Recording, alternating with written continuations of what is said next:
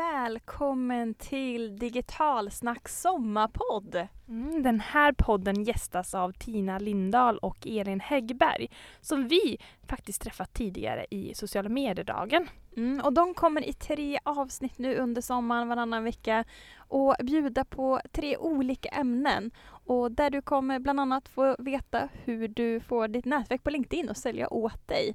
Eh, hur du bygger en framgångsrik podd och hur man sätter en stad på kartan genom digitala kanaler. Så välkommen att lyssna!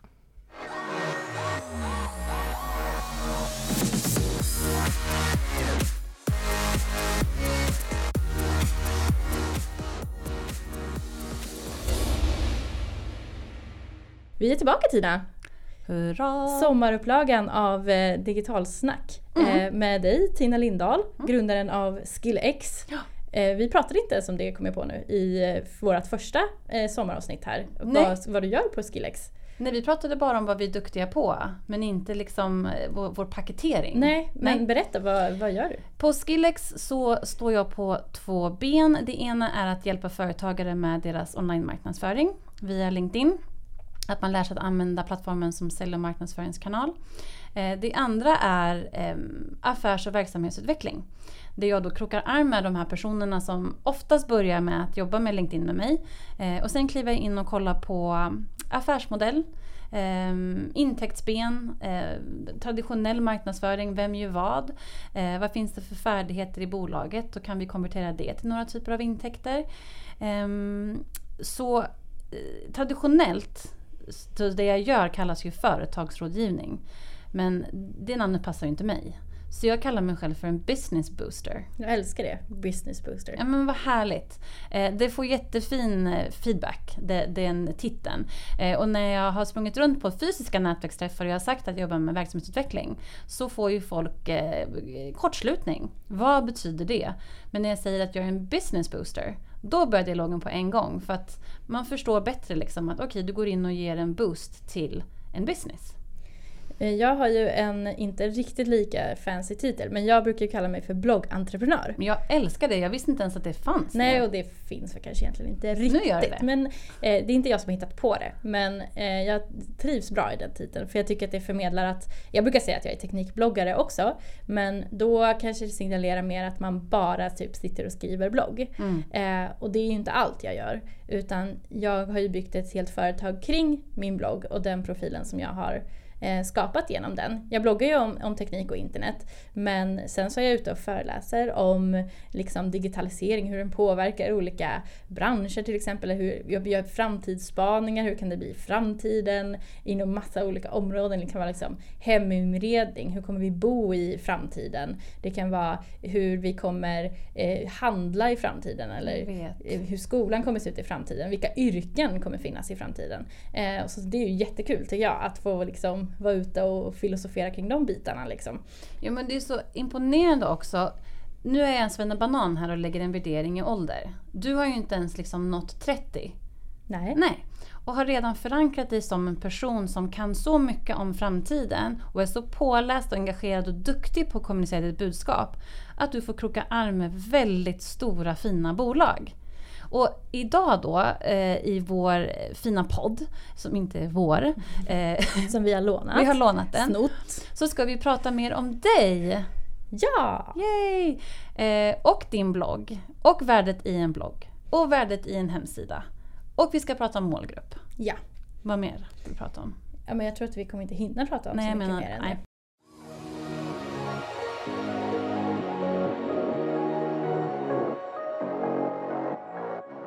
Vi eh, träffade ju Cecilia från Digitalsak egentligen via LinkedIn från början.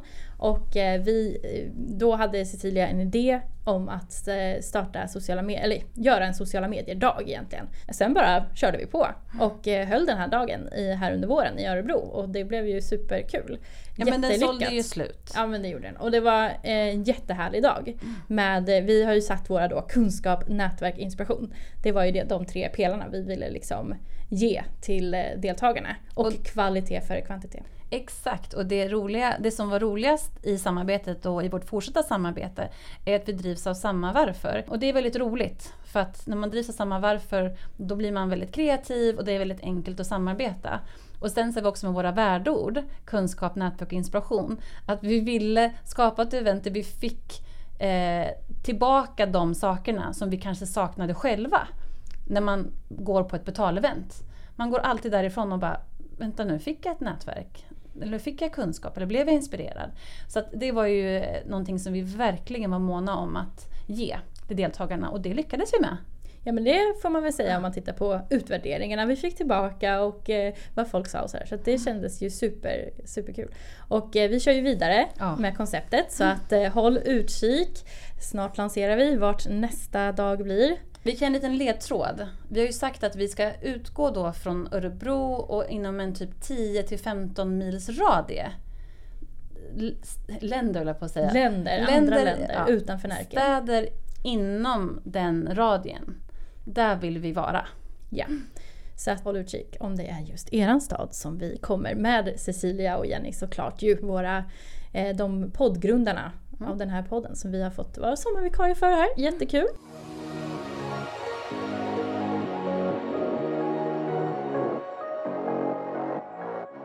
Ja, men eh, vi ska ju snacka lite blogg då var ju tanken.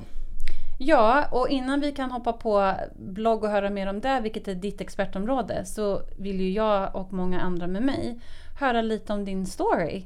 Varför började du med blogg? Jag Um, har alltid tyckt att, eh, liksom, att det har varit väldigt kul att skriva. När jag var yngre så höll jag på och gjorde så här egna tidningar mycket och sånt där tyckte jag var väldigt kul. Älskade att skriva på skrivmaskin. Eh, alltid tyckt att det var väldigt, liksom, en rolig eh, aktivitet att göra. Och eh, när bloggen kom liksom runt så här 2005, sex där. Eh, så startade i princip alla, jag gick på gymnasiet då och i, jättemånga i min närhet, vi startade liksom en blogg. Och det här var ju alltså innan sociala medier egentligen fanns. Det fanns ju MySpace och lite sådana där men det var ju inte liksom Facebook. Eh, kom ju 2007, och slog stort i Sverige 2007.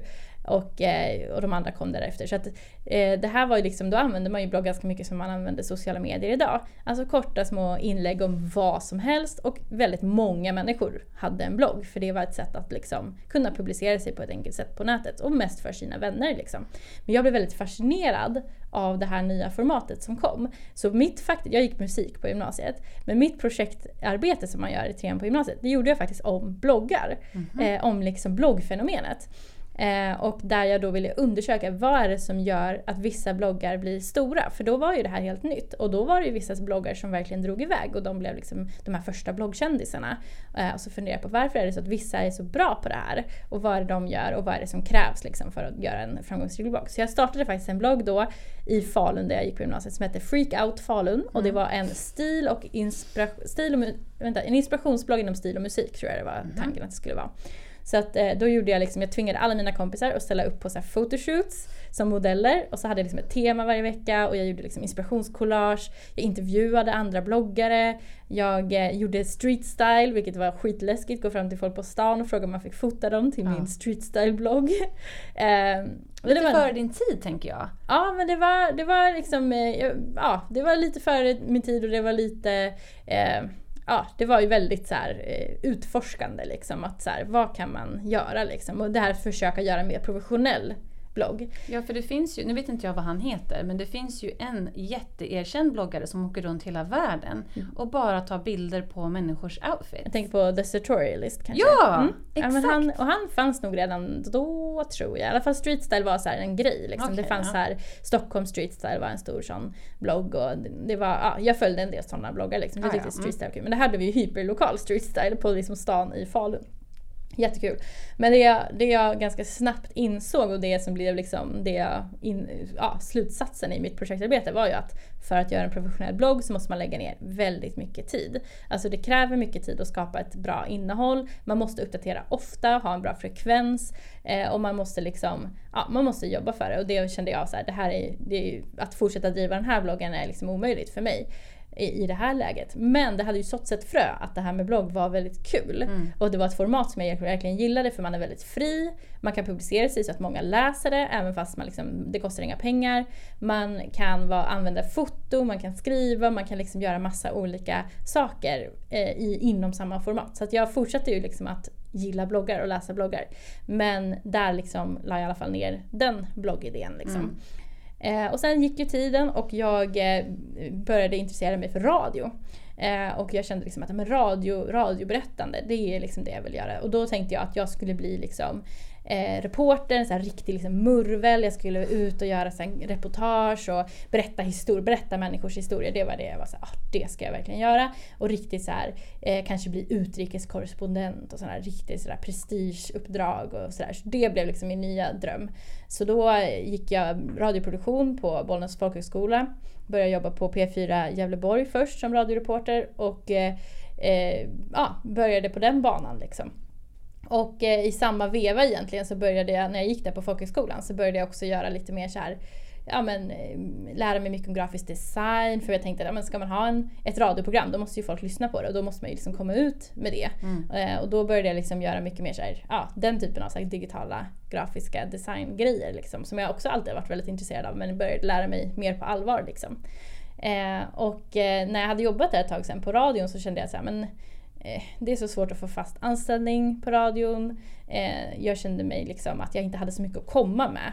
Eh, och då tänkte jag att men det här med grafisk design, det tycker jag är väldigt kul. Och, webb och design, liksom hela den biten och sociala medier och så här. Så tänkte jag ja, men då kan jag utbilda mig mer inom det. Så mm. tänkte jag att det borde ju göra mig mer attraktiv i journalistbranschen. Så det var egentligen det som var liksom så här, men jag kan, då kan jag jobba mer åt det digitala hållet och då borde jag ju bli mer anställningsbar. Liksom.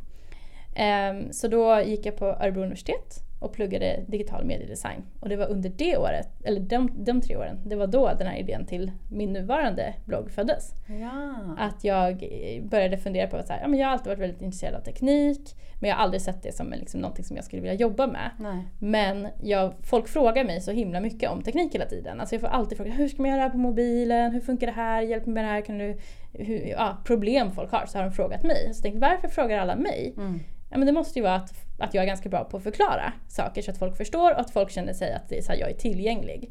Och, eh, och jag såg ju då på att, att, även på nätet så hade ju folk väldigt mycket sådana här frågor. Mm. Och, det, och då är, var det mycket så här, framförallt kanske kvinnor som frågade då andra, alltså de frågade bloggare. Men de bloggar ju kanske om mat, inredning, mode, alltså teknik var ju inte deras huvudområde. Eh, men ändå i de kommentarsfälten så var det mycket frågor så här, hur startar man en blogg? Hur, hur använder du din kamera liksom? Vilken mobil har du? Och jag tänkte att men här finns det ju verkligen en lucka, för vart vänder man sig? Om man är en kvinna, eh, framförallt i liksom, åldern 25 till 40 och uppåt. Liksom. Mm. Men hur, eh, om man har teknikfrågor, Vänder man sig till något liksom sånt här grått eh, forum som ser ut att vara kodat på 90-talet mm. där liksom folk skriver massa in, liksom komplicerade teknikgrejer och det är mest killar som skriver. Vänder de sig dit? Nej, det gör de ju inte riktigt. Läser man en, en eh, PC för alla eller någon sån tekniktidning, gör jag det själv? Nej, det gör jag inte. Och då kände jag, nej men det måste ju få finnas en sån plats där man kan få bli inspirerad liksom till, ja men har man en hobby till exempel och vill göra, göra en blogg om den och liksom vill nå ut med det ja, men vart vänder man sig för att lära sig tekniken bakom liksom? Mm. Så det, var, det var så hela liksom, idén föddes och då var jag så ja, men då, jag startade den här bloggen så jag gick och funderade ett år typ på hur jag skulle liksom vilken inriktning skulle jag ha, vilken målgrupp vill jag nå, vilka problem har den målgruppen, hur ska jag nå ut till den, hur ska jag kunna tjäna pengar på det här i förlängningen, alltså ja, vart ligger affären i det liksom. Um, så jag gick och funderade på det här väldigt länge innan jag till slut liksom bara klickade på knappen och var såhär, nu kör jag bara ut det här mm. så får det gå så får det gå. Men fick du svar på de här frågorna då under det här året? Typ hur ska jag tjäna pengar på det här? Eh, hur ska jag nå ut? Liksom, tog du hjälp av någon eller bara eh, du tänkte att nu kör jag bara? Eh, jag hade mycket idéer kring det och jag läste väldigt mycket av det jag kunde hitta på nätet om liksom, hur man tjänar pengar på blogg och hur andra har gjort och så. Och sen så gick jag till, faktiskt till Drivhuset som är ett sånt här ställe man, framförallt studenter men även vem som helst kan få hjälp med sin företagsidé, att liksom mm. utveckla sin idé.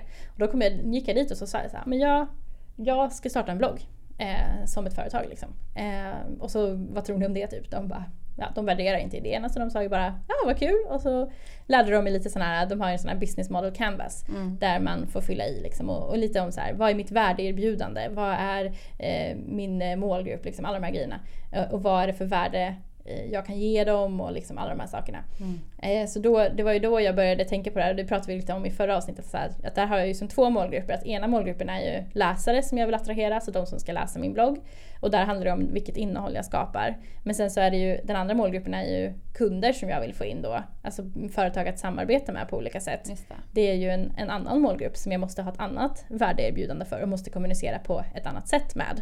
Eh, så det här är ju det som jag har jobbat med och det får man väl säga att det ändå har funkat väldigt bra. Jo, det måste ju vara utmanande också att ha två målgrupper som är så olika. För om man kollar på bloggen, där är ju jag din typiska målgrupp. En kvinna mellan 25 och 40 som tycker att teknik inte är särskilt roligt. Och, jag får en, och det här kommer att vi pratade om. Jag kan ju ofta känna mig dum när det kommer till teknik. Att jag inte fattar snabbt liksom. Eh, så hur, nu när du har kört bloggen ett år liksom, Två år. förlåt, två år. Hur når du ut till mig? Vad krävs? Vad, vad behöver jag göra för att jag ska hitta till dig eller du ska hitta till mig? Jag har jobbat jättemycket på dels att eh, verkligen undersöka vilka problem människor har. Eh, till exempel så använder jag mig mycket av eh, Google AdWords eh, sökordsplanerare. Det är ju ett verktyg som är till för att egentligen hitta vilka annonser folk ska köra på, på Google. Men jag använder det så för att ta reda på vilka problem folk googlar på. Så då om jag tänker mig att ja, men jag vill skriva något inlägg om eh, mobiltelefoner och eh, kontakter till exempel. Det upplever jag att många har problem. Jag ser på Facebook många säger att deras kontakter försvinner hela tiden. Tänkte jag, men varför händer det? Varför har inte folk kontakterna i molnet när det är så lätt? Eh, så då går jag in där och kollar, liksom, så söker jag så här, iPhone-kontakter, mobilkontakter för att se lite vad är det för folk, vad söker folk på för problem? För då får man upp massa olika förslag som är, och hur ofta folk söker på det. Eh, Så utifrån det så kan jag sen då eh, skapa en guide då till exempel. Och där tänker jag väldigt mycket på min egen mamma. För jag har skrivit väldigt mycket guider till henne innan. Där hon har haft problem med olika saker och då har det alltid varit så här att hon behöver ha det steg för steg. Och att så här, man ska inte förutsätta att alla förstår allting, vad allting är eller vart det finns. Utan jag börjar alltid från basic. Lägsta tröskeln liksom. Att så här, eh, var, ja men så här, var klickar man ens på mobilen typ för att komma till sina kontakter? Vad, och sen steg för steg supertydligt bara så här, gör så här. För det är oftast det vi vill ha. Någon som bara säger gör så här. Eh, alltså och med bilder och det är tydligt och man kan sätta sig och liksom gå igenom den här guiden och sen komma ut på andra sidan och vara så här, nu är mina kontakter synkade i molnet. Mm. Och, eh, och då är det klart liksom. Så det som krävs av mig då för att jag ska ta del av ett sånt här, en sån artikel eller en lathund som du gör är att jag går in då på någon typ av sökmotor och så skriver jag in hur klickar jag på mobilen till exempel. Ja, eller typ så här, synka kontakter. Synk, ja, men då ska jag förstå att det, det, det är det man ska göra. Då kommer du upp då som ett eh, förslag. Ja. Eh, ganska högt rankad Mm. eller? Ja, på, på många sådana som jag har jobbat aktivt med att komma upp högt rankat på Google. Och hur funkar det då? Eh, då får man jobba med någonting som kallas för SEO, eh, sökmotorsoptimering. Och då börjar du med det där att hitta de här sökfraserna då. Vad är det i det här, när jag söker i den här sökordsplaneraren, vilket sånt här sökord ska jag fokusera på? Så säg att det är då iPhone-kontakter. Ja men då, är det, då ska jag ha med det i rubriken på inlägget. Det ska stå i URLen för inlägget. Man ska skriva, ha med nyckelorden i första paragrafen. Eh, det ska finnas med i en mellanrubrik. Det ska liksom finnas stressat genom texten så att Google kan, kan förstå vad den här artikeln handlar om. Mm. Och sen handlar det också om att ha ett väldigt väldisponerat inlägg, alltså att det är lätt, lättläst eh, med bra stycke, liksom, formatering. Så det är mellanrubriker, styckenindelning, punktlistor. Det ska vara liksom ordning och reda i formateringen. Det gillar Google. Och det ska vara ett värdefullt innehåll. Alltså att när du då sitter där och har den här, så här hur fasen ska jag göra med mina kontakter på min iPhone? Och du har sökt på någonting och så kommer du in på mitt inlägg. Om du då direkt bedömer mitt inlägg som ovärd, som liksom, det här var inte det jag sökte efter, det här inte, hjälper inte mig och klickar bort. Då säger Google okej, det var inte rätt. Det var inte rätt typ av inlägg. Men är det så istället att du klickar in och så börjar du Ja men vänta nu här, det här var ju precis vad jag letade efter. Du börjar scrolla igenom det här, du börjar sitta, du spenderar en bra stund med att gå igenom den här guiden. Då ser ju Google att ja, men det här var ju ett jättevärdefullt innehåll. Då puffar vi upp det i sökningarna. Och det är ju så man då till slut kan hamna på första eller andra placering på Google-sökningar på de här attraktiva sökorden som man har riktat in sig på. Ja. Och det blir ju marknadsföring. Och man vill ju vara då i topp 1, 2, 3 just för att bli det självklara valet. Eh, när man får förslag på att här kan du hitta informationen. Men när du skriver då ett sånt här fint inlägg som är matnyttigt och värdefullt, har du lärt dig successivt hur du ska skriva det eller har du läst dig till hur du ska göra det? Liksom? Och, och hur, hur vet du att det du skriver är utav värde? Förlitar du dig bara då på den här äh, Google-puffningen? Eh, dels så utgår jag ju från, ja men jag tänker på mina målgrupper. Och det som jag sa, jag tänker på min mamma. Hon ingår ju i den här målgruppen, kanske eh, lite äldre kvinnor, alltså mm, från liksom 40 och uppåt. Som, eh, som behöver de här tydliga steg för steg instruktionerna. Så jag tänker på henne då, vad, vad, vad behöver hon? Och hur, hur, sen så tittar jag ju liksom också på eh, den här lite yngre målgruppen då som kanske är, som jag brukar kalla för kreativa kvinnor. Alltså kvinnor som kanske driver ett företag, har en hobby, driver Check. ett Instagramkonto eller driver, ja, men är aktiva på sociala medier eller vad det nu kan vara. De behöver nå ut digitalt. Eh, så tänker jag, de tänker jag också på, liksom, vad behöver de? Eh, och där kan det ju handla om till exempel att jag plockar upp, jag kan ju se till exempel på Facebook Eh, när jag har sett då de här inläggen, hur, hur många personer som helst i min egen ålder som skriver så här: Hej, jag har en ny mobil och alla mina kontakter är borta. Kan ni skicka era nummer? För mig är det ju, blir det så här, men hur kan du ha råd att bli av med din kontaktbok varje gång du byter mobil? Eh, alla kontakter du har byggt upp, jag har haft samma kontaktbok sedan min första mobil. För jag har exporterat, importerat, laddat upp i molnet, synkroniserat liksom, och så var jag så här, men och när jag hade sett det här inlägget då kanske för tionde gången, någon säger min mobil, jag har tappat min mobil, min mobil är stulen, min mobil är, eh, jag, liksom, och mina kontakter är borta. Då kände jag, nej men nu, nu får det räcka. Nu, nu, nu skriver jag ner hur folk ska göra det här. Liksom. Mm. Eh, och eh, det är ju ett sätt att veta att det här är värdefullt. Så mycket där, plocka upp frågorna, se vad är det folk frågar om. Vad, och då gäller det att finnas i rätt forum också. Alltså att vara med i Facebookgrupper till exempel där folk frågar om sociala medier, digitala grejer, teknik. Eh, kolla vad folk googlar efter, eh, fingret i luften, eh, vad folk frågar mig i verkliga livet. Alltså, eh, man måste ju vara nära sin målgrupp för att veta vad de undrar. Och det här är också jätteviktigt. Jag har gjort mig väldigt, väldigt tillgänglig för mina läsare. Eh, jag har bilder på mig själv så man ska se hur jag ser ut. Så att man ska känna att man kommer till en person och inte bara till en random sida. Eh, jag skriver vad jag heter, för och efternamn. Mitt telefonnummer går att hitta väldigt lätt om man skulle vilja ringa mig och ställa en fråga, vilket folk absolut gör, inte jätteofta och jag vill inte att alla ska ringa. Men det visar på en, alltså det är en trygghet och en trovärdighet. Jag är en verklig person. Eh, som man faktiskt kan höra av sig till. Jag, I mitt språk, i hur jag skriver, så försöker jag också tänka på att prata som jag pratar. Alltså skriva som jag pratar. Prata som jag pratar. Men att liksom ha mitt naturliga språk. Skriva på ett enkelt sätt. Eh, vara tillgänglig som skriver. Blanda in mig själv i texten på ett naturligt sätt så att folk känner att det är personligt. För det gör också att mina läsare vågar fråga. Även de här så kallade dumma frågorna. Det som man inte har vågat fråga någon annan. Det frågar de mig. De kanske inte vågar fråga allt i en kommentar på bloggen men de kanske skickar ett mail. Eller skriver på Instagram eh, direktmeddelande. Och på så vis så får jag ju hela tiden in nytt material. Så jag har ju liksom listor på listor med önskemål. Vad personer undrar och vill ha, ha nya inlägg om. Och ehm, eh, jag är ju jätteimpad av din blogg. Det har jag sagt till dig förut. Sen så ehm, har ju jag en mental tröskel att ta mig över. Liksom, och det handlar ju om min relation till teknik. Eh, men eh, om vi bara sidospårar lite och pratar om bloggen som eh, faktiskt sälj och marknadsföringskanal kopplat till ditt liv då som egenföretagare. Jag la ut ett inlägg på LinkedIn Ehm, för några veckor sedan eh, där jag uppmuntrade människor att inte eh, kanske börja med att bygga en hemsida utan istället bygga ett nätverk. Eh, för att hemsidan är eh, en statisk plattform där du kan hitta information om produkter, tjänster och sådana saker. Och du reagerade ju när det här inlägget eh, kom upp för du har ju en annan åsikt, en annan vinkel.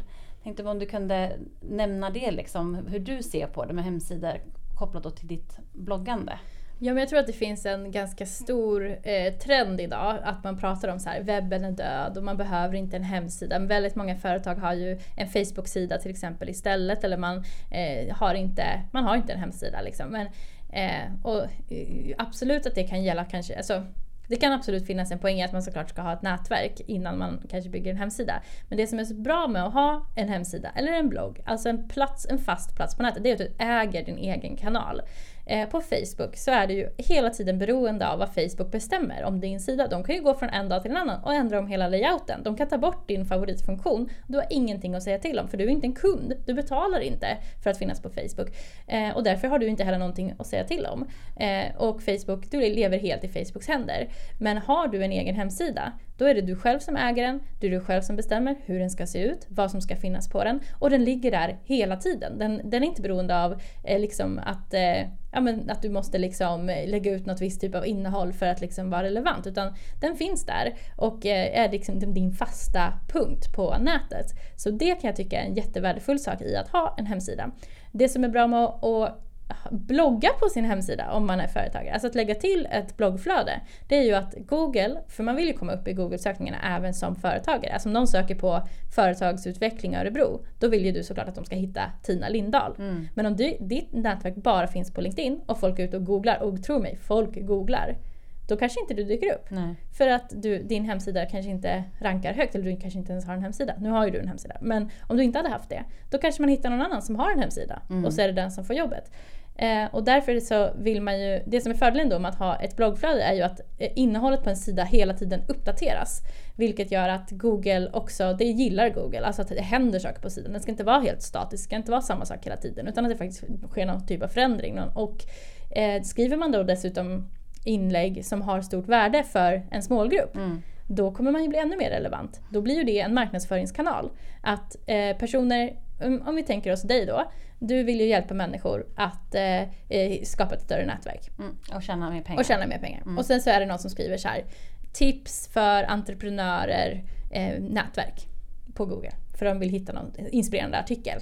Och så dyker det upp där, eh, liksom 10 tipsen du inte kan leva utan när, när du går på ett nätverksevent eller vad det nu kan vara. Mm. Och så känner man bara, ja men det här behöver jag. Klick!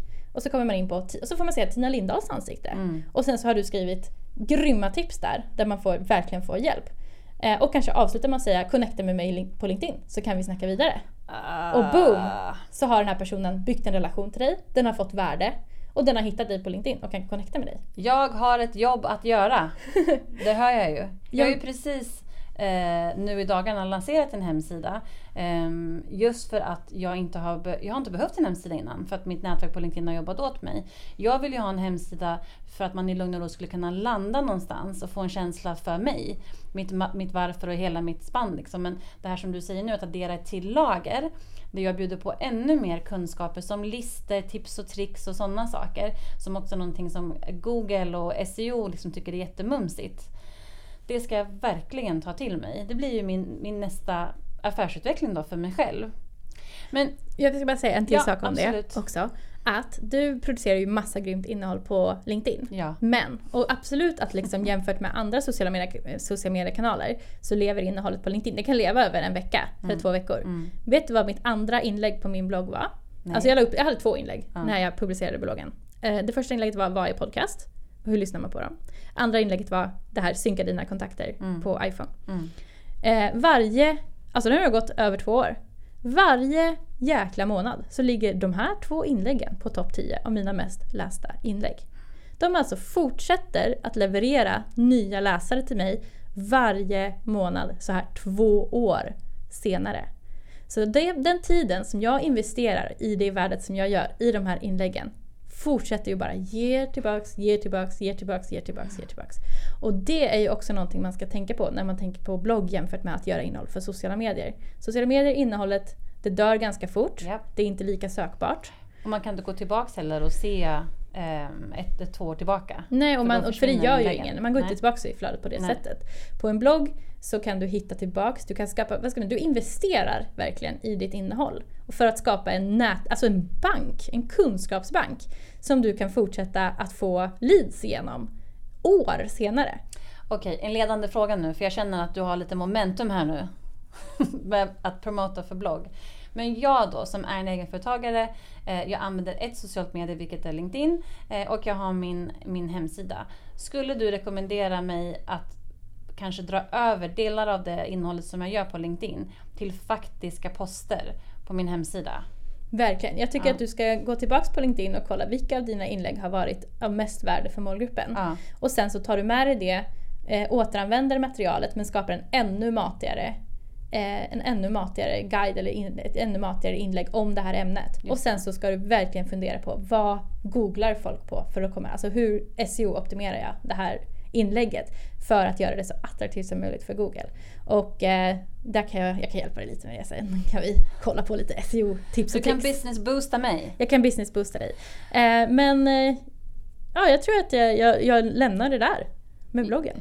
Ja, och superbra tips. Eh, snacka om en ögonöppnare. Eh, I alla fall för mig i hur man kan jobba eh, så affärsmässigt med ett, ett bloggande som du gör. Eh, väldigt konkreta och bra tips eh, på hur det fungerar också. Eh, har du något sista sådär eh, tips som du vill ge till lyssnarna kopplade till hemsida och blogg? Något vi ska Ja, men jag tycker att många, många fler behöver tänka på det här med att eh, visa vilka man är som ligger bakom. Jag avskyr att komma in på ett företag och inte se ett enda ansikte på bild, inte se ett enda förnamn, vad någon heter, inte se en enda mailadress till en verklig person. Våga komma fram lite grann. För att vi människor, vi vill ju prata med andra människor, inte med företag. Jag vill inte se ett mailformulär, jag vill se en människa. Amen. Ha, eh, då ska vi säga tack för idag då och eh, börja eh, promota lite nästa eh, avsnitt som är vårt sista Ja, avsnitt. vad snabbt det har gått. Ja, det har varit väldigt kul. Eh, och nästa vecka har vi en hemlig gäst. Da, da, da, da. Eh, jättekul. Eh, kan, kan vi ge någon ledtråd här på den här hemliga gästen? Den här hemliga gästen kommer att eh, berätta mer för oss om hur man faktiskt eh, når ut till nya målgrupper. Det Ja. kan man väl säga. Ja, jättebra. Hur man når ut till nya målgrupper rent konkret. Vad kan man göra? Ja, och hur man sätter en stad på kartan i digitala kanaler. Superspännande. Och Jenny och Cecilia vet inte ens vem det är. Nej, Så det blir en överraskning för alla. jättekul. Ja, men vi hörs igen i nästa avsnitt. Det gör vi. Hej då!